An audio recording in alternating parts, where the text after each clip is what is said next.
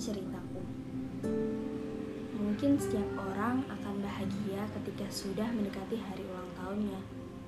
Tak lain halnya aku. Aku pun begitu. Tapi seperti yang kita tahu, hari ulang tahun adalah hari di mana kita semakin mendekati kematian kita. Itu membuat perasaanku campur aduk. Ibarat semua rasa tercampur menjadi satu. Ada manisnya, ada asinnya, ada pedasnya. Dan terkadang semua ini membingungkan. Bingung karena aku harus bahagia atau sedih ya. Tapi untungnya jawaban itu datang tepat pada waktunya. Mungkin aku harus senang dan banyakin bersyukur. Aku juga harus selalu ingat kematian, karena cepat atau lambat kita semua akan mati. Nggak pas ulang tahun doang kita harus bersyukur dan mengingat kematian. Mengenang 14 tahun yang lalu, aku dilahirkan ke dunia ini. Bertemu semesta yang indahnya tak bisa digambarkan dengan kata-kata. Namun, terjadi musibah dua hari setelah kelahiranku. Di, di wilayah Jogja terjadi gempa dahsyat yang mampu merobohkan semua bangunan yang ada di depannya. Sampai di kotaku. Semua orang pun panik. Saat orang tuaku mencariku, aku sudah tidak ada di ruangan. Aku sudah dibawa keluar oleh bidan dari rumah sakit agar tidak menjadi korban. Di situ keberadaanku memang masih baik-baik aja, tapi rasa panik masih membekas di keluargaku.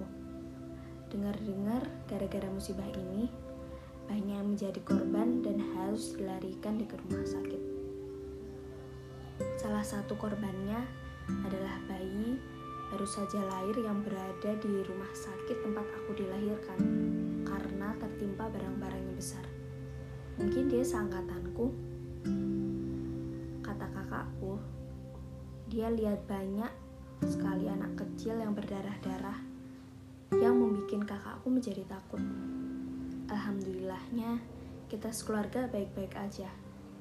Lucunya dari musibah ini, tidak semua daerah terkena gempa tersebut. Ibarat kata hanya satu garis saja yang terkena. Karena kejadian itulah yang membuat orang-orang gampang mengenali aku. Lucu aja gitu, dipanggil Hasna yang lahir di saat gempa terjadi. Tapi beruntungnya aku mudah diingat.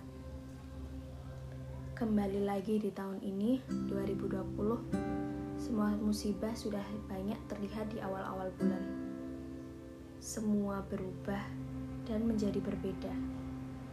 Dengan harus Ramadan di rumah, gak bisa mudik, gak bisa ke mana-mana, dan tepat di hari ulang tahunku, tak jauh beda dari 14 tahun yang lalu, terjadi juga musibah. Sempat aku berpikir, memprihatinkan ya, tapi nggak apa-apa sih. Aku juga harus tetap bersyukur. Lagian di rumah aja nggak masalah kan? Toh juga nggak mau ngerayain. Dan gitu aja sih ceritanya. Tapi makasih ya buat semua teman-temanku yang udah ngucapin, doain aku. Makasih banget masih mau mikiran aku. Dan semoga doa-doanya kembali ke kalian lagi. Makasih juga yang udah ngeluarin ngeluangin waktu buat dengerin ini. Aku gak yakin podcast ini ada faedahnya. Tapi gak apa-apa sih. Aku cuma mau berbagi cerita aja. Sebenarnya sih mau buat ini waktu pas tanggal 25 Mei. Karena keterbatasan jaringan dan mencari mood yang tepat, akhirnya dibuatlah hari ini. Yaudah dulu ya guys. Aku pamit dulu. Love you guys.